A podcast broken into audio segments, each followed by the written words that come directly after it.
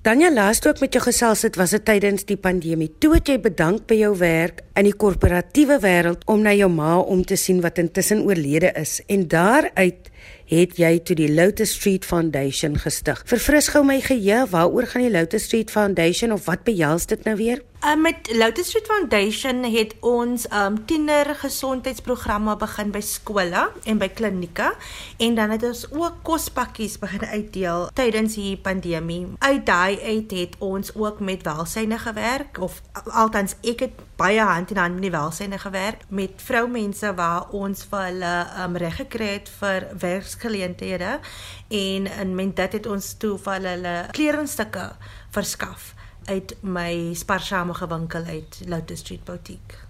Kies jy volgens elke vrou se persoonlikheid of hoe kies jy dan klere vir iemand anders? Dis nie almal ewe maklik om dit te kan doen nie. Kyk, ons het mos soos ek sê by die welsyne begin, hè, en dan het ons altyd net vir hulle die klere verskaf. En dit het toe nou gegroei uit daai uit waar ons vir hulle gewys het, kyk, jy sit hierdie um broek met daai toppie en dit hang ook af wat tipe werk hulle wil gegaan het, sien? En dan um uit daai uit het ek toe beweeg in die gemeenskappe ook waar vroumense in die kapse vlaktes na my toe gekom het waar hulle vir my um dan gesê het kyk ek het 'n werksgeleentheid wat kom en dan um sal ek altyd pa vra vra. Kyk hulle moet mos gemaklik ook wees in die klere. So dan sal ek sê vir hulle kom en doen dit altyd op 'n Saterdag dan sal hulle kom na my toe dan sal ons vir hulle deur die stappe vat ons sal die klere aanpas en dan dan pa wenke gee oor wat um pas by wat. Ja dis basies wat ek doen Ek kom mos nou van Elsies rivier af en uh, my ma en pa het altyd vir ons groot gemaak en vir ons verduidelik dat jy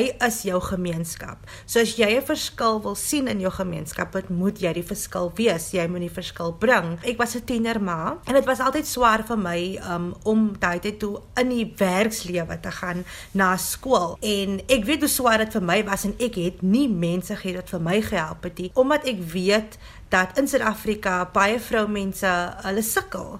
Hulle sukkel of hulle sit met die um, geweld in hulle huis en hulle sal nie daai selfvertroue hê om uit te gaan om werk te gaan soekie om om finansiëel stabiel te word vir hulle self en hulle kinders nie. En dan is daar ook net dames wat nou nie getroud is nie, maar wat ook in sekere omstandighede is waar hulle voel hulle kan nie uit dit uitkom nie want hulle het nie die selfvertroue nie. So ek dink met die werk wat ek doen en die, en, en die wat ek het wat ek kan gee, maar ek glo altyd al is dit net een vrou wat ek kan help. Daai vrou se lewe verander ek. So dit beteken vir my baie. So ek doen dit eintlik maar net omdat ek wil 'n verskil sien op die Kaapse vlakte wanneer dit kom by vroumense en hoe hulle finansiëel stabiel kan wees. Watter wenke gee jy hulle? Kyk, dit kom altyd mos maar net terug van baie mense weet nie wat om aan te trek vir 'n onderhoud nie. Wanneer jy stres al klaar oor die feit dat wat se vraag het hulle my vra? Het hulle van my hou? Um daai tipe van goed. En ek sê altyd vir vir vir die dames as hulle kom na my toe dan sê ek jy moet altyd navorsing doen. Eerstens, kyk ons gaan ons stuur mos net altyd ons uh, CV's weg. Ons dink eintlik laat ek 'n bietjie navorsing doen op die maatskappye wat ek vir aansoek doen of die werke wat ek vir aansoek doen nie. Dan is dit mos nou natuurlik die wenke hoe jou liggaamsbou. Ehm um, jy moet klere aantrek wat gemaklik is, maar wat ook professioneel is. Jy jy trek 'n broekpak aan, maar dan is dit 'n bietjie te styf en dan voel jy ongemaklik wanneer jy gaan sit. Dit mag dalk dat die die die die broek mag dalk skeer of so tipe van ding. so dit is altyd bes dat jy iets aantrek wat jy gemaklik in is, né? Nou 'n pencil skirt. Dit is altyd aanvaarbaar. En dit is altyd vir my so mooi om ek voel altyd om swart aan te trek. Um swart en wit. Ek sê altyd 'n mooi blouse 'n wit enetjie of swart skirt of 'n swart broek. 'n um, Gemaklike skoene. Jy kan nou nie met die hoogste hoek skoene loop en dan kan jy nie daar beloop nie. Um, is altyd jy moet altyd daai bypaslike handsak hê. Um, jy moet altyd 'n notaboekie saam jou hê. Daai is die klein goedjies um, 'n klein bietjie gemeer en nie te veel nie. Ons sê vir hulle wat pas by hulle vel. En ook soos met die wenke, sal ek altyd ook net vir die dames sê as hulle nou soos hulle gremering doen veral um, minder is meer. Moenie te helder gaan nie. Jy kan altyd dit maar doen na ure, maar as jy nou gaan vir 'n werksonderhoud, jy wil hê die mense moet na jou luister. Hulle moet nie net kyk, hulle moet nie ook nie net vir jou dop hou en dink wat het hier aangegaan nie. Jy moenie te veel uh, klere aantrek wat basies hulle aandag gaan aftrek. Ja, hulle moet hulle moet fokus op jou as 'n persoon, jou persoonlikheid. Ek weet dat baie vroumense voel altyd nou wat van my klere, wat gaan ek aan het? Dis hoekom as hulle na my toe kom dan dan sorteer ons eers daai uit om jou selfvertroue daai hupstoot te gee. So jy sê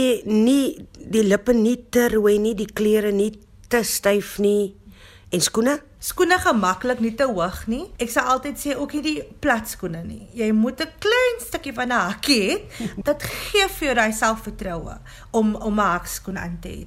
Swart skoene voel ek altyd gaan dit gaan mos maar basies met alles sien en dit moet ook gemaklik wees so ja. Dink jy wanneer mens goed voel in dit wat jy aan het, help dit jou ook dan met jou onderhoud? Dat jy voorkom asof jy meer selfvertroue het selfs al is jy paniekbevange maar jy lyk goed jy's gemaklik in dit wat jy dra. Dit maak tog 'n verskil nê ek kan ook maar net praat met my eie ervarings van werke wat ek nou al voorheen by gewerk het. Die baas het altyd vir my gesê as jy mooi lyk, outomaties, nê, nee, het jy daai selfvertroue. So jy maak jouself meer toeganklik vir ander.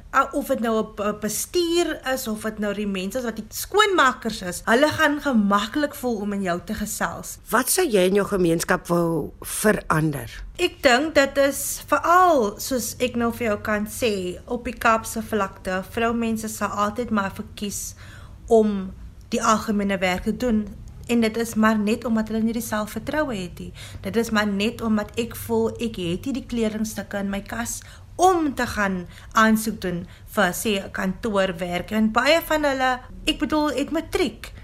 Maar dan gaan hulle vir die algemene werk want kyk daar trek jy mos maar nou net aan wat jy wil um of baie van die plekke gee vir jou um uniform. In my gemeenskap die verandering wat ek wil bring is om net vir vroumense te laat sê dat daar's 'n wye wye wêreld daar buite.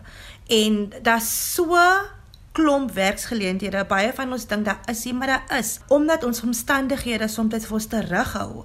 Ek bedoel dit hou vir ons terug net om met iemand te kan gesels wanneer ons is bang ons gaan die verkeerde ding sê, verkeerde vraag vra. En um, dit is maar nou iets wat ons mense maar men sukkel, veral op die Kaapse vlakte van ons is bang. So ons kinders groei dan op met daai gesindheid ook en hulle dink ook ag dit is maar nou net wat dit is. En eintlik is daar maar 'n wye wêreld daar buite. So al wat ek wil doen is om net vir vroumense daai self selfvertroue te gee. Kyk, is dit is min om vir 'n vrou mense sê hier is 'n broekpak vir jou of 'n of 'n skirt en 'n paar skoene, maar eintlik is dit baie van dit gaan vir hulle daai selfvertroue gee om om te wat dag rond te kyk en te besluit dat ek wil daai bestuurspos of ek wil verder gaan studeer of hulle het mos nou die onderwys ding by die skole wat hulle ehm um, uh, jy is soos 'n assistent, nê? Nee? En ek sê altyd vir die dames as hulle kom na my toe, ehm um, jy moet aantrek al is jy die assistent. Jy moet aantrek asof jy die juffrou is. Uit daai uit het ek een dametjie gehad wat ook 'n algemene werk ge, uh, werkie gehad het, maar toe sy nou oorgegaan na die assistent ehm um, onderwysassistent werk. Sy gaan nou verder studeer van sy voel sy het nou daai selfvertroue gekry en vir my beteken dit baie van om van algemene werk te beweeg na 'n 'n onderwysassistent en sy voel nou sy wil gaan studeer om 'n onderwyser te word beteken vir my baie. Lê jy soms in die aand en dink aan planne planne vir jouself, planne vir ander. Daar's so baie wat ek wil doen. Soms dan dink ek, "Jen, gaan dit ooit kan gebeur?" Maar dan sê ek ook vir myself, "Daar's 'n wye, wye wêreld daar buite." So ek lê letterlik elke dag dink aan iets nuut, dink aan nuwe inisiatief wat ek kan begin in die gemeenskappe in van van veral in my gemeenskap wat Elsies rivier is. Ja, dit is verskriklik swaar. Ons almal het mos maar nou ons eie hier en daai tipe dingetjies wat ons deur gaan, maar ehm um, ja, ek het baie dinge wat ek nog wil doen doen en ek glo en vertrou dit sal gebeur. Vir die hulp van ander vroumense wat nou sien wat ek doen. Hulle gaan môre wakker skrik en besluit maar as ek dit kan doen, kan hulle dit ook moet doen en so help ons meer en meer vroumense. En ek dink as ons mekaar kan bystaan en mekaar kan motiveer. Ons moet hande vat. Ons moet nie mekaar afkraakie. Ons moet mekaar bystaan. Moet jouself wat vergelyk met dit en daai wat jy miskien sien op sosiale media of wat jy sien op op die televisie nie.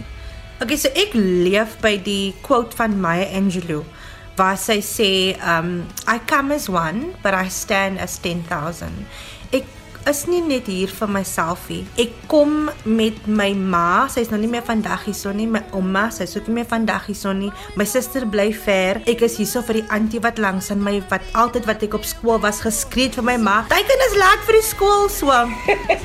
Dit is almal daai vroumense wat vir my deurgedra het en dan die 10000 wat ek moet staan is vir al die vrouens wat ek voel wat ek nog kan aanraak en wat ek kan help en en wat ek kan motiveer om anders te help.